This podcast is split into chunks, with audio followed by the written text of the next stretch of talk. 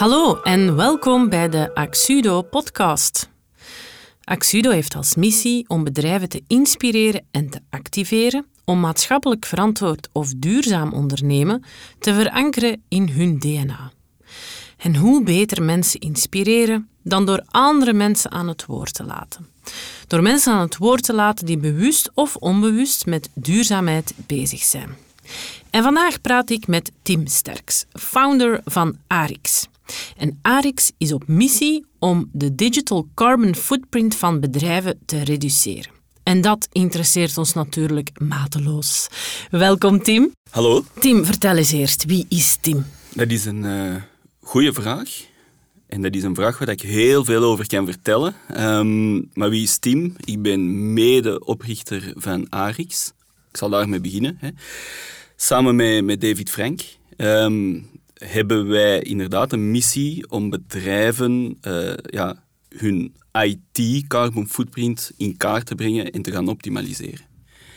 Um, wie is Tim als persoon? Ik ben uh, papa van twee kinderen, Leon en uh, Florence. Leon negen jaar, Florence op dit moment vijf. Um, getrouwd en ja, van opleiding journalist. Mm -hmm. um, dus uh, dat zouden misschien niet direct denken, omdat ik nu vooral in of uit IT kom. Hè. Ik, ik, wij zijn bezig met IT, maar zelf verkopen wij geen IT. Wij gaan dat vooral onderzoeken. Maar samen met David, hè, mijn venoot, uh, wel heel veel ervaring in de big telco's, zoals ze dan zeggen. Wij kennen elkaar van bij British Telecom. Ah, ja. En vanuit die ervaringen van ons beiden en ook van de mensen met wie dat we werken, dus de consultants, op dit moment hebben wij geen mensen op de payroll, um, maar vooral mensen in ons netwerk die meehelpen en projecten ondersteunen, zagen wij eigenlijk wat mis is met heel die IT-industrie. Mm -hmm. um, Vertel. Ja, ik denk dat daar als wij bij klanten kwamen destijds, de grotere bedrijven dan, gingen wij een, een, oplossing verkopen, meer dan 500.000 euro tot miljoenen euro's, aan netwerk, datacenter oplossingen, end-user devices, 10.000 laptops voor de Europese Commissie of andere. En als wij bij die bedrijven binnenkwamen en we legden de offerte neer en de offerte werd goedgekeurd, werd eigenlijk meteen ook gezegd van oké, binnen vijf tot zeven jaar komen wij terug, want dan gaan we alles vervangen, want dan is eigenlijk uw oplossing niet meer optimaal. Um, en, en hetzelfde gebeurt met heel veel andere zaken. Hè. Ah, ja, bedrijven geven aan hun werknemers laptops, geven iPhones, Samsungs, hè, maar wat merken te noemen. Um, met dan eigenlijk de, de opmerking, binnen drie jaar moet al een nieuwe kiezen. Mm -hmm. En heel dat gegeven begon bij ons te spelen rond ja, hoe duurzaam is dat? Ja. Allee, is dat effectief wel waar dat deze oplossingen die bij bedrijven verkocht werden, na vijf tot of max zeven jaar niet meer optimaal zouden zijn voor hun, hun business te ondersteunen? Mm -hmm. En, en de oplossing die ze kopen, is dat de oplossing die de klant echt wel wil. Mm -hmm. uh, wij hebben dan ook wel de vraag gehad in mijn toenmalige functie, in mijn gouden kooitje bij die bedrijven, van, ah ja, maar wa waarom is dit de oplossing die we van eigenlijk elke partner of elk bedrijf dat we hebben aangeschreven voor een offerte, liggen er maar twee tot drie verschillende oplossingen op tafel. Mm -hmm. Altijd van dezelfde fabrikanten. Hè. Mm -hmm. Cisco bijvoorbeeld, mm -hmm. of de Dells van deze wereld, die, die daar een gigantisch, ja, bijna monopolie hebben op de markt, hè. zeker in de, in, de, in de grotere, of bij de grotere bedrijven. Maar de klanten begonnen meer en meer aan, aan mij de vraag, en aan mijn collega's de vraag te stellen van, ja, maar is dat wel nodig dat wij naar deze oplossing kijken? Ik wens liever een, een andere oplossing te zien. En dan mijn, mijn werkgevers zeiden, ja, dat, dat, is heel tof dat de klant dat wenst, maar wij zijn daar niet mee gepartnerd. En wij, wij geven deze oplossing, want daar pakken wij heel veel marge op. En er, is toch iets, er valt iets over te zeggen, over heel dat businessmodel. Ja. En dan heel naïef misschien uh, gezegd van oké, we gaan het anders doen. We gaan een portfolio samen, een bedrijf oprichten. We gaan onderzoek doen en kijken welke nieuwe, innovatieve IT-technologieën, netwerk security en datacenter, um, zijn op de markt, maar zijn nog niet gekend door 90% van de bedrijven, maar zijn wel goed, zijn heel... Uh, Duurzaam. Duur, ja, Nee, eigenlijk niet. Duurzaam was daar nog niet direct ah. een, een, zware factor. Mhm. Bij ons was het vooral nieuwe technologieën die door andere bedrijven niet voorgesteld worden. Om daar een, een variatie aan te bieden aan de bedrijven. Ja. Nu, dat is gigantisch naïef van ons om, om in een vastgeroeste industrie iets anders te wensen te gaan doen. En wij zijn daar uh, ja, serieus tegen de muur gelopen. Want al die bedrijven zeggen, ja, super tof, maar ja, ik ga dat niet doen. Hè. Allee, uh, dat is heel, heel interessante materie, maar ik ga toch maar blijven bij de oplossingen waar dat ik zit, omdat dat werkt. Hè. Mhm. En na analyse, heel snel, hè, want gelukkig zijn ik en David twee mensen die heel snel beslissingen nemen, ehm, hebben wij wel gezien van oké, wat kwam er altijd naar boven drijven en waar hadden die bedrijven dan wel interesse in? En een van die zaken was dan, ah, zeg maar, er zijn oplossingen die duurzamer zijn. Mhm. En dat kwam dan eigenlijk in, in een soort van uh, ja, parallel van hetgeen ik als persoon ook aan het ervaren was van wat wens ik te doen met het bedrijf, wat wens ik te doen als persoon om ja, iets achter te laten voor de volgende generatie, zijnde mijn kinderen. Ja. En niet per se als in, ah, ik wens een bedrijf groot te maken en ze gaan mij opvolgen. Mhm. Want, pff, mijn dochter wil dierenarts worden, ze is vijf jaar, bon, goed. En mijn zoon die eh, wil op de ene dag uh, politieagent worden en de andere dag uh, wenst hem uh, freerunner te worden. Mm -hmm. Dus dat zijn heel uiteenlopende zaken en ze mogen doen van mij wat ze willen. Maar ik wenste vooral iets te verwezenlijken of, of een verschil te maken met ons bedrijf. En zo zijn wij beginnen werken van oké, okay, één, klanten of bedrijven zeggen ah, super interessant dat die oplossing energiezuiniger is. Uh, hoeveel en, en wat bestaat daar nog? En dan heb ik en David uh, beslist om onderzoek te gaan doen. We hebben eh, marktonderzoek gedaan, gesubsidieerd een stukje door, door Vlaio, om, om te gaan kijken, oké, wat, wat, bestaat daar al van nieuwe technologieën? Um, en hoe kunnen we daar bedrijven warm voor maken? Mhm. En daar kwam dan meteen het volgende uit.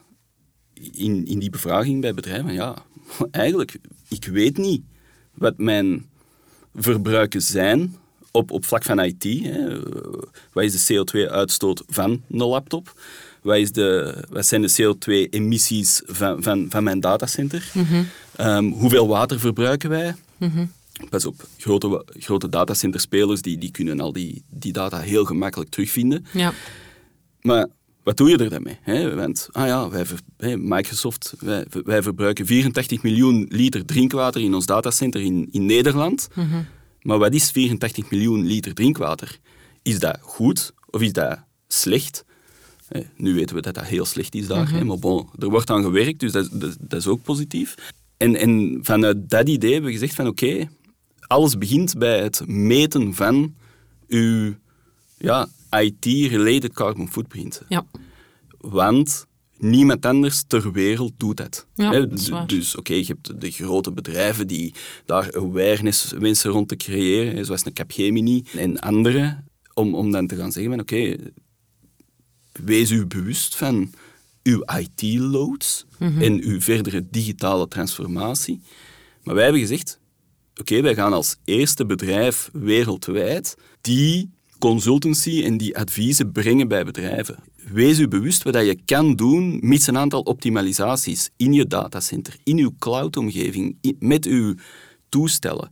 Waarom geef je als bedrijf uw werknemers om de drie à vier jaar een nieuwe laptop? Ja. Is dat nodig? Ja. Denk daar eens over na. Waarom gebeurt dat?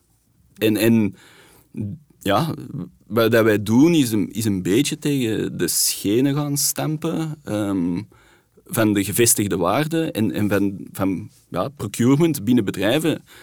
En dan komen de meest absurde dingen tegen. Mhm. Ik denk dat dat, dat dat ook wel een topic is dat eigenlijk vandaag nog niet heel fel known is. Ik bedoel daarmee, heel veel mensen denken, ah ja, de, meeste CO2-uitstoot, dat is de luchtvaartsector. Maar het is in kaart gebracht, en ik heb dat recent in een eh, webinar gehoord, dat de IT-sector as a whole meer eh, CO2 uitstoot dan de luchtvaartsector. Daar staan mensen niet bij stil, hè? Nee, als je IT gaat bekijken als in maken van, van end-user devices, hè, van laptops, pc's, uh, smartphones, tablets, tv's, meeting room equipment, hè, telco.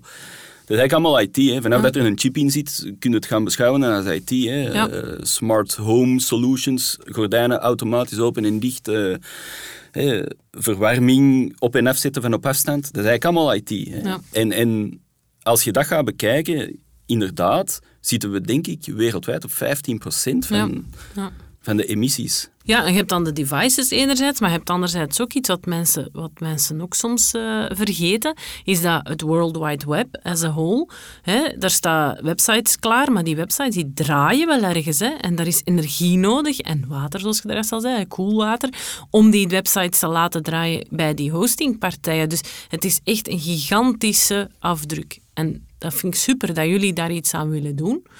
Ehm, kan je misschien eens een voorbeeld geven van een project eh, waar dat jullie mee bezig zijn of waar je fier op bent? Een project waar ik fier op ben. Ehm, ja, wel een aantal dingen. Hè.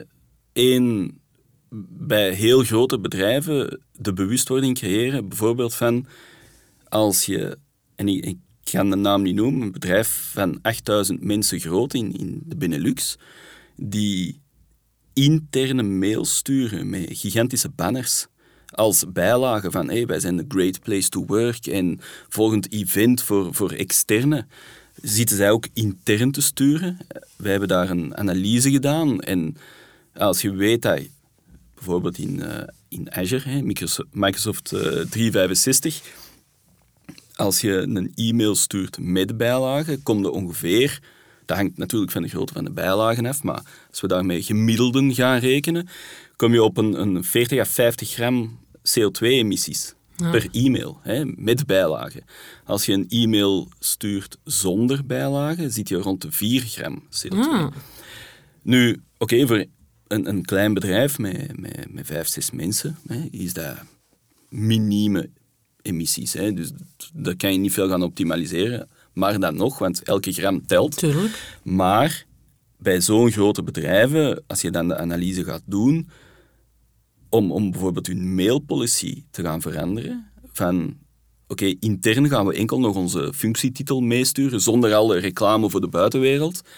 Maakt uw e-mails per definitie al een pak minder zwaar, hè, want er zit geen automatisch attachment in uw handtekening. Ja, dan besparen zij op jaarbasis 700 ton CO2 Jezus. Ja.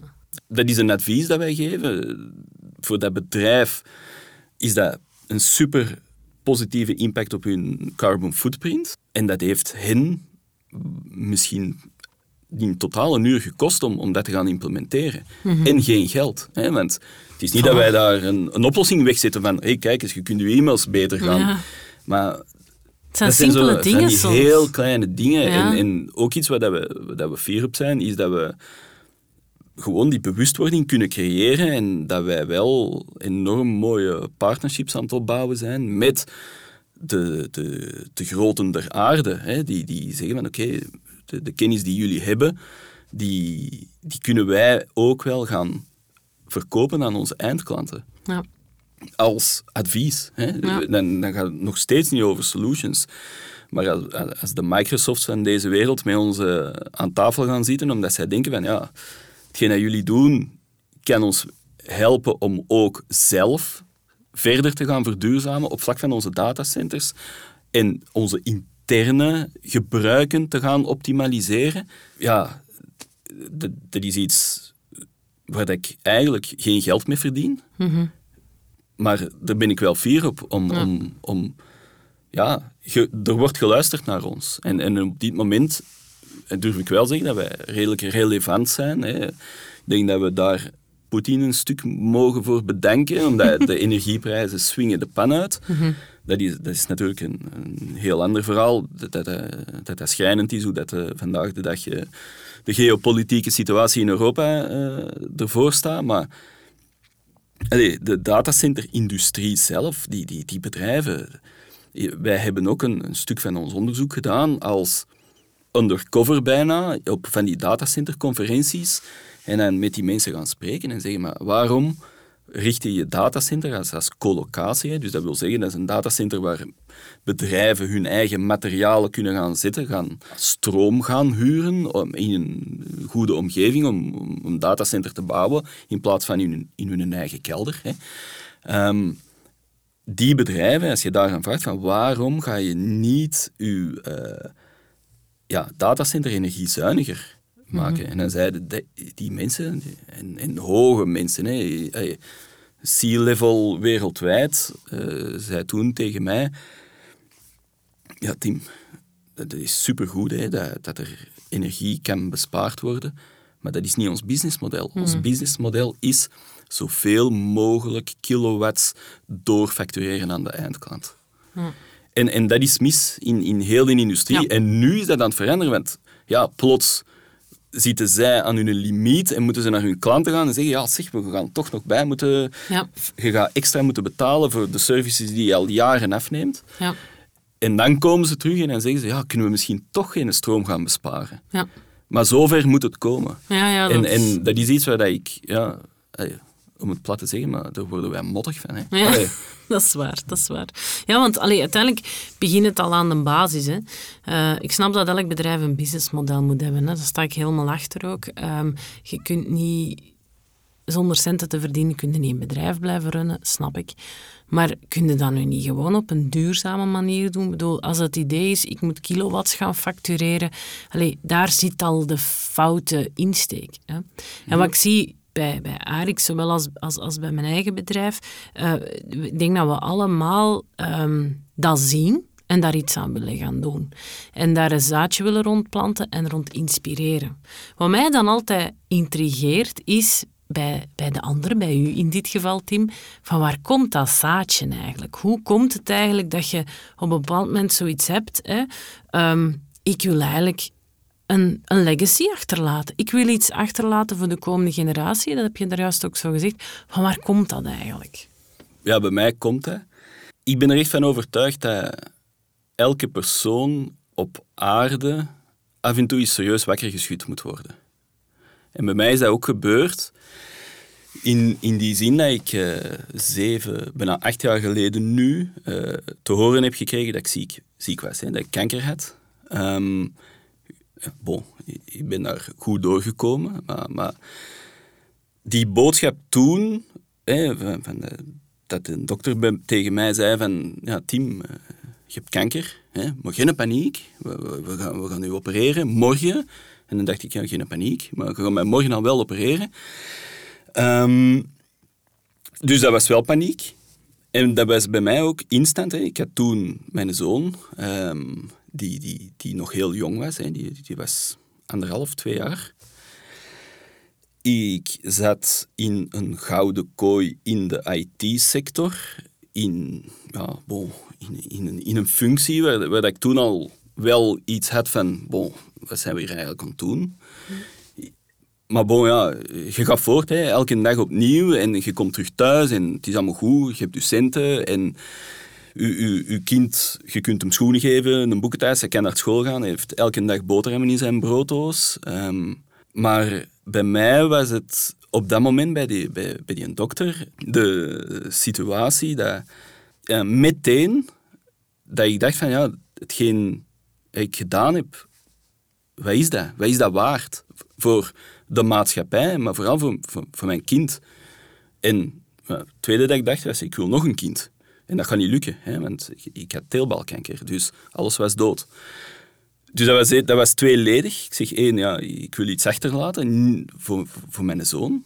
Ehm, en voor de volgende generaties. Er moet een, een beweging komen. Er, moet iets, ik wil iets, iets doen dat impact heeft. En ja, zoals ik vandaag in, als een, een corporate monkey aan, aan het werken ben, oké, ja, dan, dan laat ik iets achter. En dat is dan een, een, ja, een, een gerust leven voor mijn kinderen, als, in, als, als, als papa binnen een jaar dood onder de grond ligt, want op dat moment weten we nog niet hoe dat je erdoor komt, dan, ja, dan is uw... Ja, dan denkt je van, ja, is, is dit het dan geweest? Was dit mijn leven? Hè? Want ja, ik ben van opleiding journalist. Ja, ik heb de zotste dingen gedaan als, mhm. als journalist. Hè. Dus, dus ik heb de wereld rondgereisd, in de allerchicste hotels gelogeerd. Ik heb met elk merk van luxe wagen gereden. Mhm. niet, niet als eigenaar, maar wel als journalist, hè, om die wagens te testen. En we hebben de, de vlieghaven van Deurnen afgehuurd om de fotoshoot te doen. Uh, met, met Maserati en een hoop schaars geklede modellen. Mhm. Heel tof op dat moment. Maar eigenlijk, ja, wat is dat waard? Mhm. Behalve dat je coole foto's hebt en, en dat mensen geïnspireerd worden om nog eens een nieuwe auto te kopen, um, was dat eigenlijk heel weinig waard. Mhm. en, en, en voor mij, op dat moment, ja, dat was leuk. Maar dat is allemaal van... Dat is heel vluchtig. Ja. Alles gaat voorbij. En ja, dan ben ik daarmee gestopt, omdat ja, printmedia ging razendsnel dood door de opkomst van digitale media en dus verdere digitalisatie van de maatschappij. En, en oké, daarmee gestopt en, en ehm, copywriter geworden en dan als copywriter aangenomen bij, bij British Telecom en zo geschieden. Maar dus ja, ik, ik zat bij die dokter krijg dat verdikt van, oké, je bent ziek, um, maar we gaan nu opereren en geen paniek. Ik had dus wel paniek. En toen is er bij mij, denk ik, ja, dat zaadje geplant van, oké, ik, ik wens iets te gaan doen, maar ik wens ook ja, iets achter te laten. En, en ja, dan, dan ben ik natuurlijk, ja, eh, je bent ziek, hè, dus op dat moment ga je niet zeggen, ah, ik geef mijn job op, hè, want je zit wel met serieuze ziekenhuiskosten, dat gelukkig in, in ons land gedekt worden door groepsverzekeringen van uw werkgever, maar ook door de mutualiteiten. Er zijn veel landen waar dat niet het geval is. Um, en dan uh, ja, ben ik blijven, dus ja, oké, okay, mijn, mijn, uh, mijn, genezing, hè, want ik ben dan een jaar later nog eens geopereerd. Een tweede keer, hè, dus ik heb dat twee keer meegemaakt. Um, uiteindelijk heb ik absoluut niet te klagen en, en ik ben er heel vlot doorgekomen. Um, ik heb dan ook nog een, een mirakelkind gekregen, mijn dochter. Die is dan toch nog natuurlijk verwekt, uh, mits al een hoop uh, procedures. Dus, dus dat is heel leuk en, en ook een beetje raar ten opzichte van mijn vrouw, omdat ik dacht van ja, maar dat klopt niet, dat kan niet van mij zijn. Maar bon, dat is een, dat is een andere anekdote. Um, maar ja, als je ze zou zien, zouden direct zeggen dat mijn dochter is.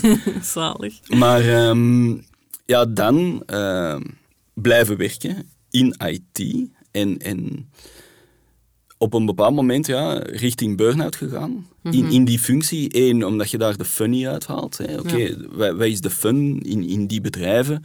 Zaten ook echt mensen die zeiden van Tim, ik zit hier in dat hoekje en ik kan hier nog 30 jaar blijven zitten.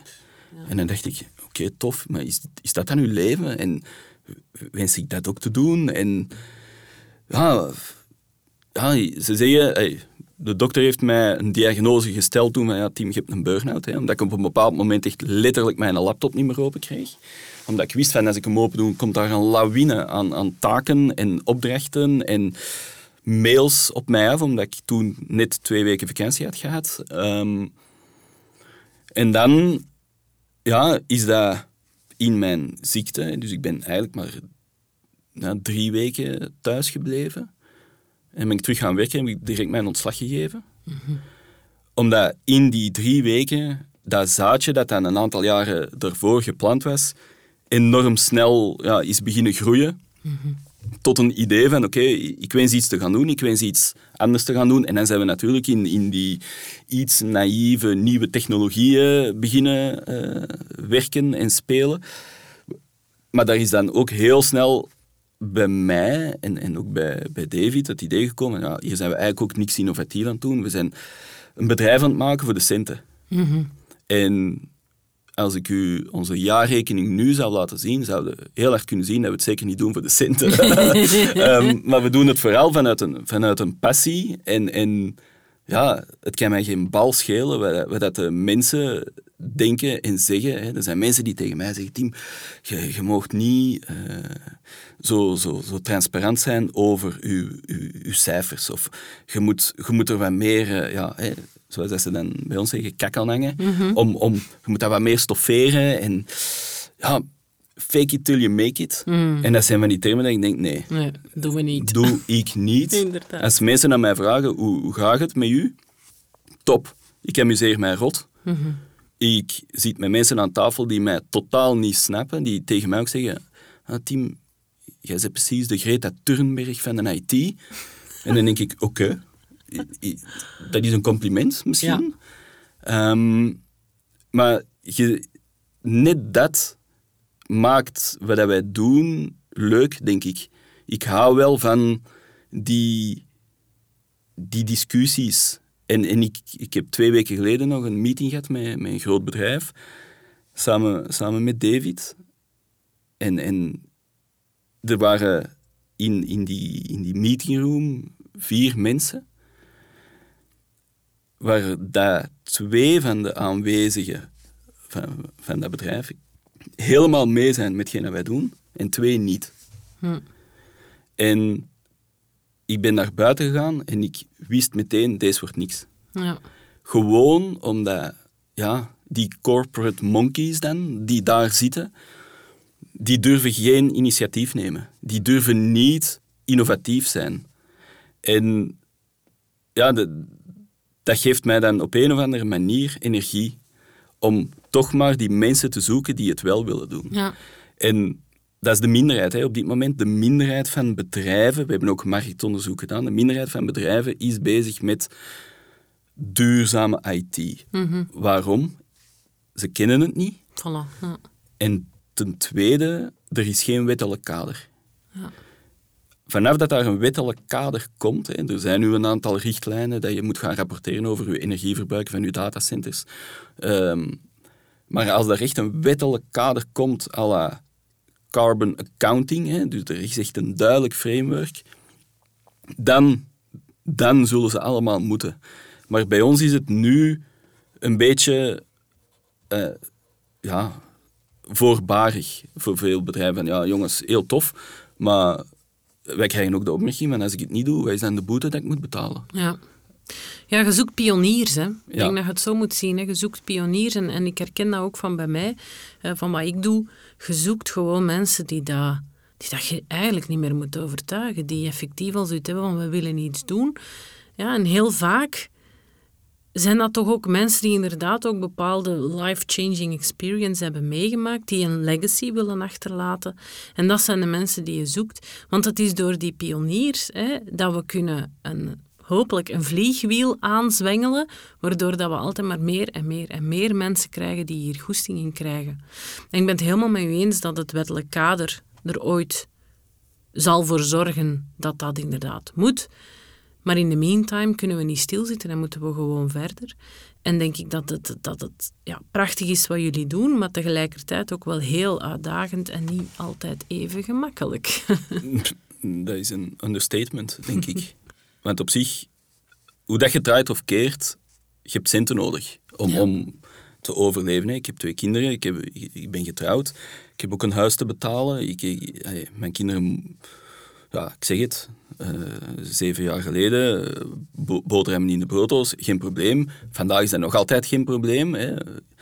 Maar het wordt wel spannend om... om ja, een aantal dingen te kunnen blijven doen. Hè. En, en allee, op vakantie gaan, zoals dat ik eh, op de payroll ergens werkte. En ik was van de week nog met mijn vrouw bezig over hoe absurd is het dat als je ergens in dienst bent, dat bedrijven gewoon zeggen, ah, hier, uw maand december, by the way, nog een dertiende maand, en hier zijn nog centen om op vakantie te gaan.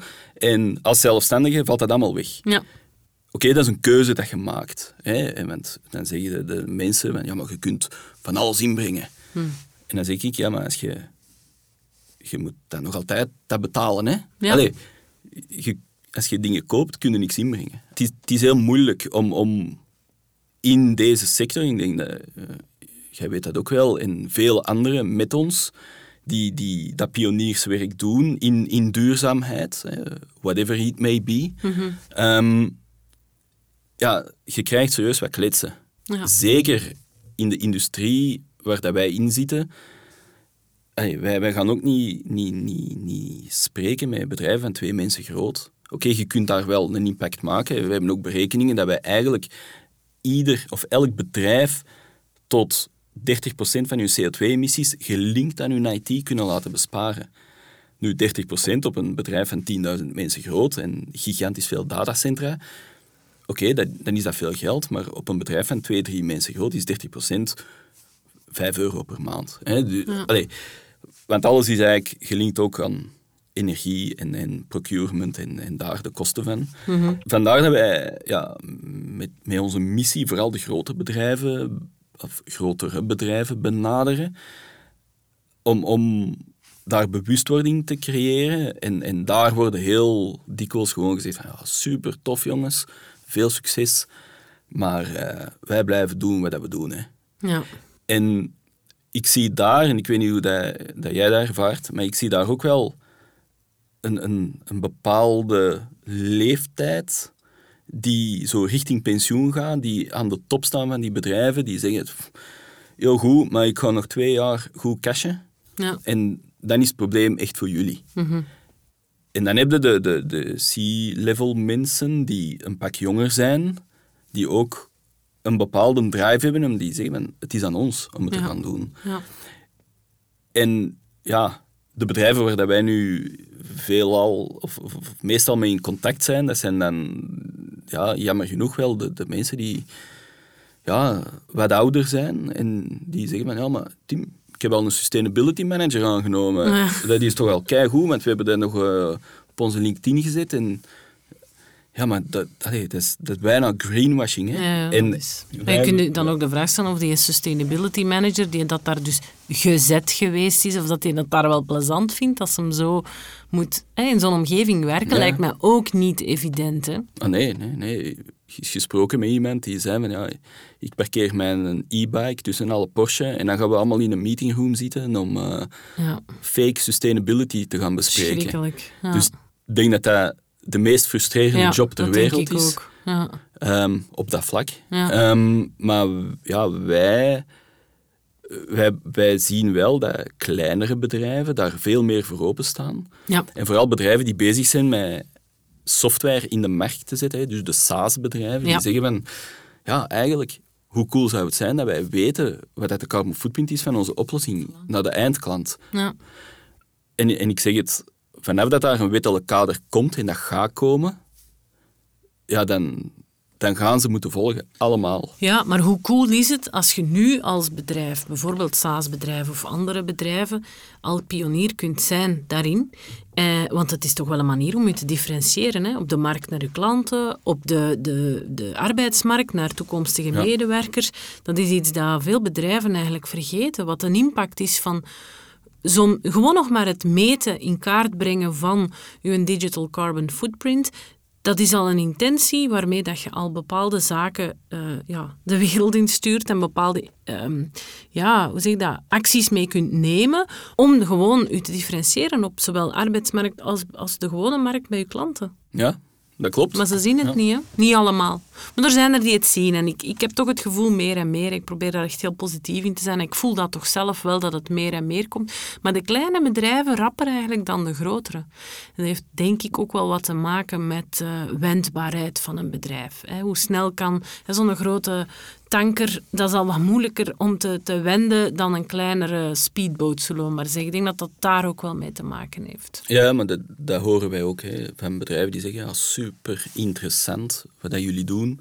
Jammer genoeg zijn wij een mastodont en onze boot begint te draaien, maar dat gaat nog wel een aantal jaren duren.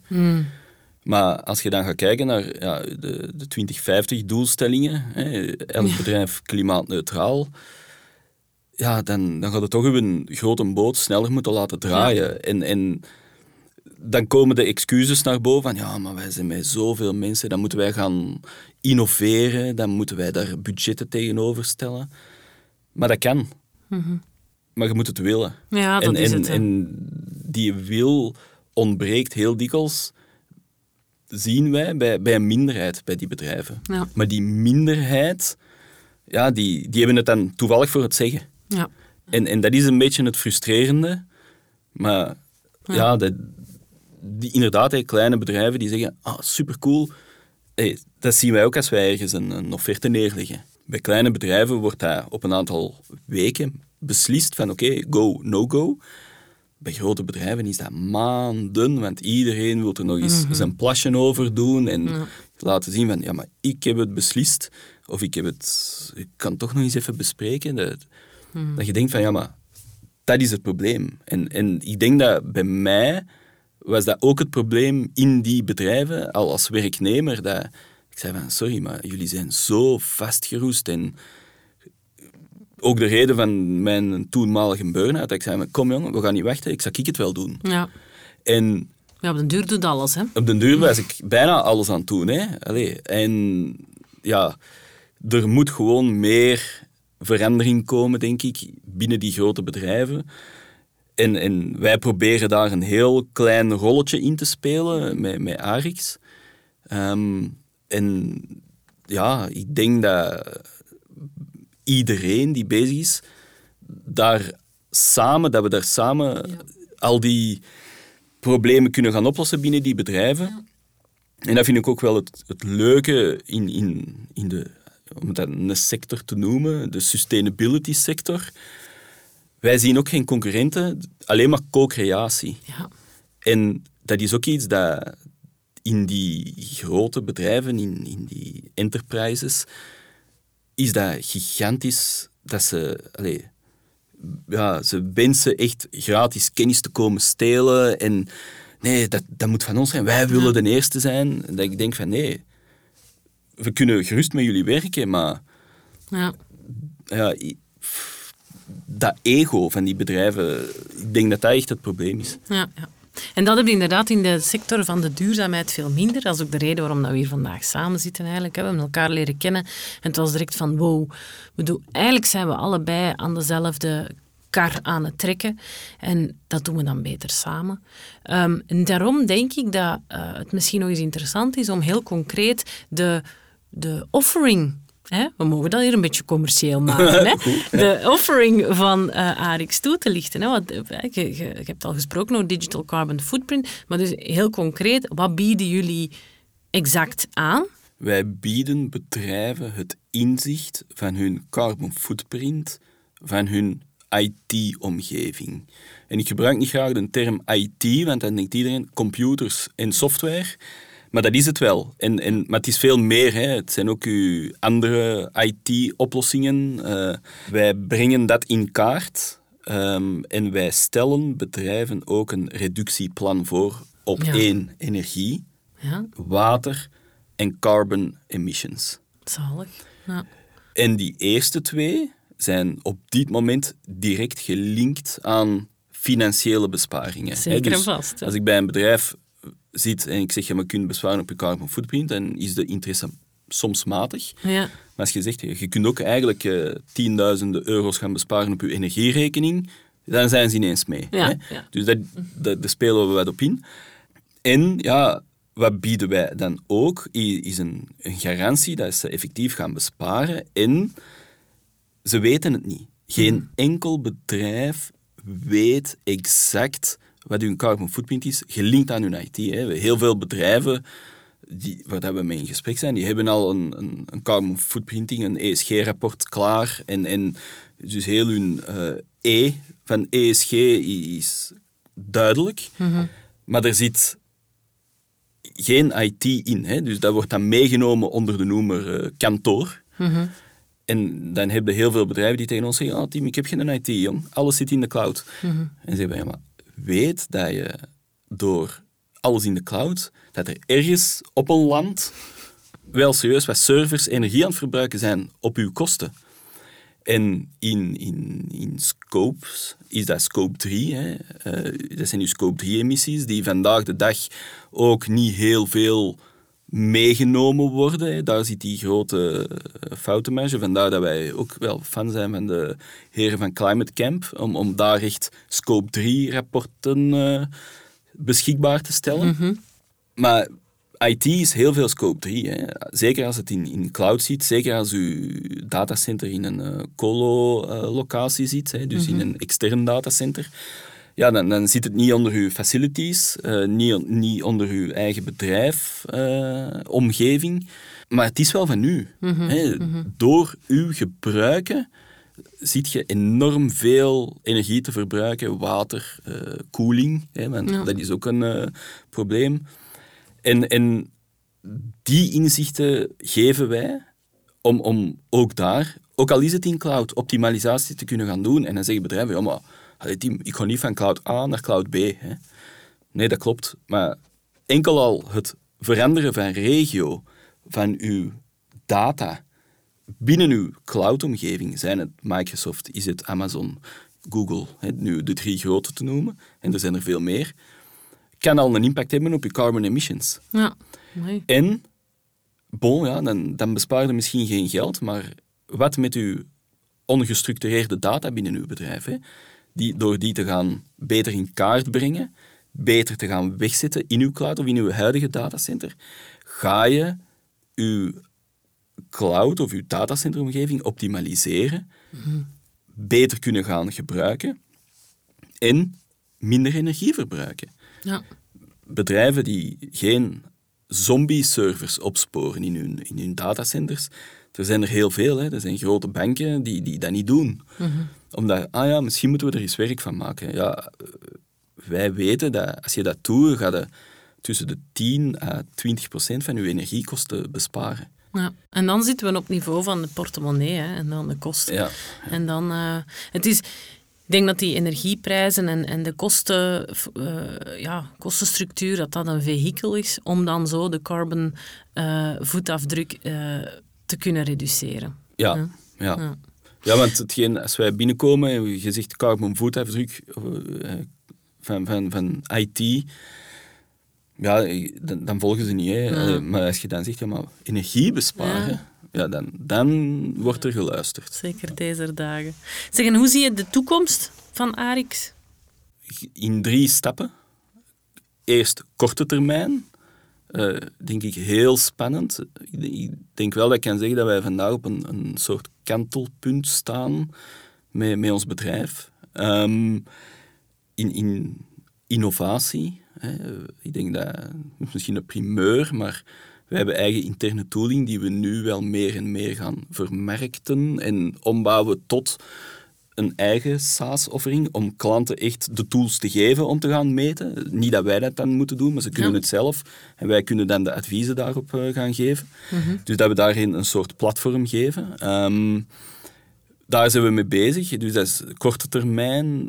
Ja, heel, heel spannend, denk ik. Omdat we daar toch ook wel met een aantal zeer grote geïnteresseerde partijen in, in gesprek zijn om daar serieus wat wind in de zeilen te krijgen. Ja, al middellange termijn hoop ik gewoon dat wij kunnen blijven doen wat we doen. Als ik nu kijk tot binnen vijf jaar, Ehm, dus dan gaan we al richting bijna 2030. Hè. Dan zullen er toch al een aantal doelstellingen gehaald moeten worden als we ja, eh, de science-based targets en, en andere gaan volgen. Hè.